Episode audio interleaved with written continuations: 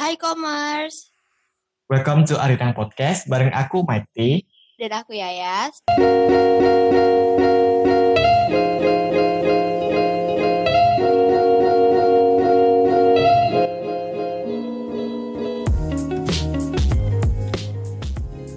Nah gimana nih Ti kabar kamu selama kuliah online ini? Udah bosan belum?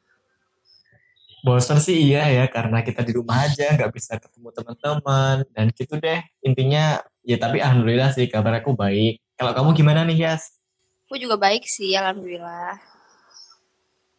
Uh, kalau kabar commerce sendiri gimana? Udah pada bosan belum? Kalau bosan mending dengerin podcast dari kita aja. Waduh. eh by the way gak kerasa ya kita udah di ujung tahun 2020. Gimana nih tahun 2020 kamu Yas? Dan oh iya, kamu tahu gak sih kalau 2020 tuh banyak banget hal viral loh belakangan ini. Oh iya, iya banget. Kamu tahun ini udah ngapain aja, Ti? Uh, kalau aku sih cuman lolos dari SBMPTN itu aja udah seneng banget kok. Hmm. kalau menurutmu di tahun 2020 ini berita yang paling viral apa aja? Hmm, kalau ngomong sesuatu yang viral sih, hal pertama yang terlintas di pikiran aku tuh odading oleh. Ya nggak sih? Jadi, iya, betul. itu roti goreng dari Bandung yang berbentuk kotak menggelembung. Nah, roti goreng ini menjadi viral beberapa waktu belakangan. Berawal dari video seorang penjual odading yang menjajakan roti gorengnya dengan cara yang tak biasa. Ade Londok menjadi sosok yang ada di balik viralnya jajanan asal Bandung yaitu odading. Profil Ade Londok ini juga ikut viral lantaran mempromosikan odading dengan cara anti mainstream yaitu marah-marah. Bahkan dirinya juga sempat melontarkan pantun yang sedikit tidak nyambung dan malah mengundang tawa. oh iya, aku inget banget tuh video dia viral banget sampai masuk FYP TikTok aku loh. Iya. Yang itu kan slogannya yang seperti Anda menjadi Iron Man. oh iya, tahu gak sih Yas? Karena dia viral banget, sampai dia tuh dapat banyak pesanan loh dari hasilnya itu. Dan dari banyak pesanan itu, dia itu sampai uh, buka pekerjaan baru buat mulai Hebat banget ya, the power of netizens. Oh iya, by the way, ngomongin tentang pekerja nih. Ya, ya tahu kan yang kemarin itu juga sempat viral tentang UU Omnibus Law atau UU Ketenagakerjaan. Oh iya, aku inget banget. Kak, itu banyak mahasiswa sampai turun demo loh. Nah, kalian tahu nggak sih Omnibus Law itu apa? Jadi, Omnibus Law adalah suatu metode atau konsep pembuatan regulasi yang menggabungkan beberapa aturan yang substansi pengaturannya berbeda menjadi satu peraturan dalam satu payung hukum. Nah, regulasi yang dibuat senantiasa dilakukan untuk membuat undang-undang yang baru dengan membatalkan atau mencabut juga mengamandemen beberapa peraturan peraturan undang-undang sekaligus. Oh gitu. Eh, kalian tahu nggak sih, ternyata Omnibus Law itu diakini memiliki sejumlah keuntungan loh kalau dilihat dari tiga sudut pandang. Nah, di antaranya, yang pertama, Menurut sisi hukum, Omnibus Law ini dapat menghilangkan tumpang tindih antara peraturan perundang-undangan, sehingga adanya penyeragaman kebijakan pusat dan daerah dan dapat menunjang iklim investasi. Nah, yang kedua, menurut kacamata perusahaan, ada dua poin nih. Poin pertama, pada pasal 23, Omnibus Law ini menggantikan UU pasal 40 yang dihapus. Izin lingkungan pendidikan UMKM pun dihapus. Sehingga UMKM juga dapat lebih mudah dalam membangun usahanya dan akan menambah lapangan pekerjaan untuk kemajuan ekonomi Indonesia. Nah, dari poin yang kedua, pada pasal 156 ayat 2 tentang maksimal pesangon yang diberikan kepada pegawai PHK yang di PHK. Pada pasal ini, perusahaan juga dapat meminimalisir pengeluaran untuk para pegawai yang ada di yang di PHK, sehingga sektor keuangan pun stabil gitu sih. Nah, dari poin yang ketiga, dari sudut pandang yang ketiga, dilihat dari sisi buruh, tidak dihilangkannya hak cuti haid dan hamil menyebabkan para tenaga kerja wanita tetap mendapatkan hak untuk beristirahat semasa mereka hamil atau haid. Menko Perekonomian Erlangga Hartarto pun memastikan hak cuti haid dan hamil tidak dihapuskan. Beliau juga mengatakan kalau hak cuti hamil pun tetap mengacu pada Undang-Undang Ketenagakerjaan sebelumnya. Gitu deh. Oh gitu ya. Tapi yeah. di samping memiliki dampak positif, Omnibus Law itu juga ada dampak negatifnya loh. Nih di antaranya, melalui sudut pandang buruh pada pasal 156 ayat 2 tentang uang pesangon hmm. pegawai PHK 2003 digantikan dengan frasa eh salah. Pada pasal 156 ayat 2 tentang uang pesangon pegawai PHK yang mengubah frasa paling sedikit dalam UU nomor 13 tahun 2003 digantikan dengan frasa paling banyak. Hal ini bisa jadi membuat pesangon yang diberikan kepada pekerja ter-PHK menjadi seenaknya perusahaan tersebut karena hanya ditentukan batas maksimal. Sedangkan perusahaan dapat memberikan pesangon lebih rendah dari batas tersebut. Misal nih, batas maksimal pesangon itu 10 juta. Nah, tapi Mm-mm. perusahaan memberikan lebih rendah dari 10 juta. Itu bisa aja akibat Oh batas iya, maksimal betul. tersebut. Ya, terus yang kedua, pada pasal 45 ayat 1 tentang tenaga kerja asing, di mana pengurusan perizinan TKA dipermudah. Nah, jadi saingan pekerja bukan hanya dari dalam negeri doang, tapi juga dari luar negeri. Hmm. Kalau imigran makin banyak, maka akan menyebabkan persaingan kerja semakin ketat, sehingga masyarakat Indonesia bisa jadi kalah saing yang pada akhirnya menyebabkan pengangguran bertambah. Nah, Yang terakhir nih, pada pasal 81 Omnibus Law yang merevisi UU nomor 13 tahun 2003 tentang perjanjian kerja waktu tertentu pada UU sebelumnya ditetapkan batas maksimal, yaitu dua tahun kemudian akan diangkat menjadi pekerja tetap.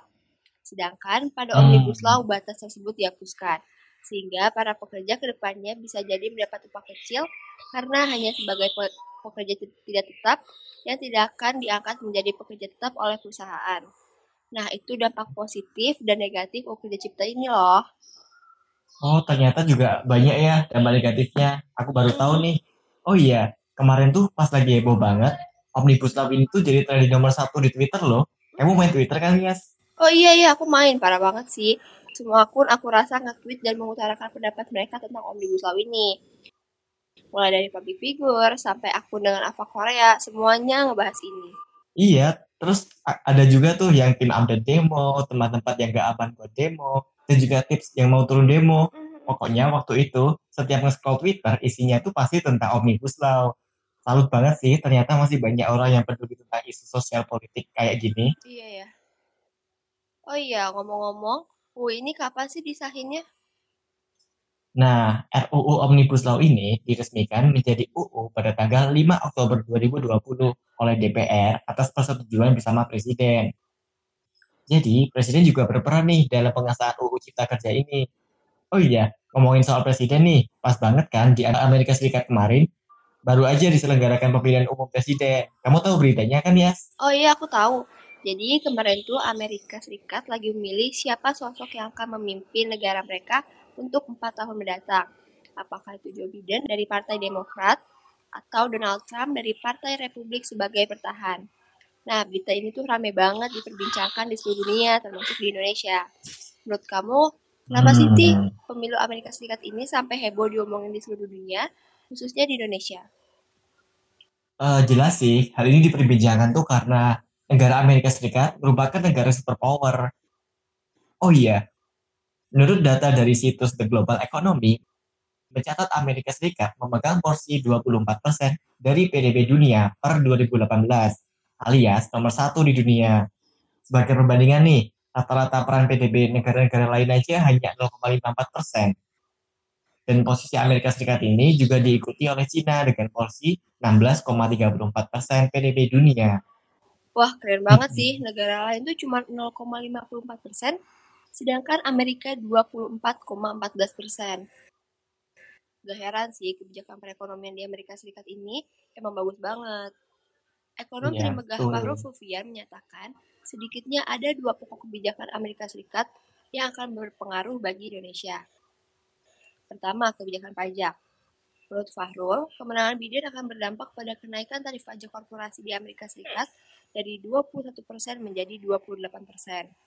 Kebijakan ini membalikan langkah Trump di periode pertama yang menurunkan tarif pajak maksimum korporasi dari 35% ke 21%.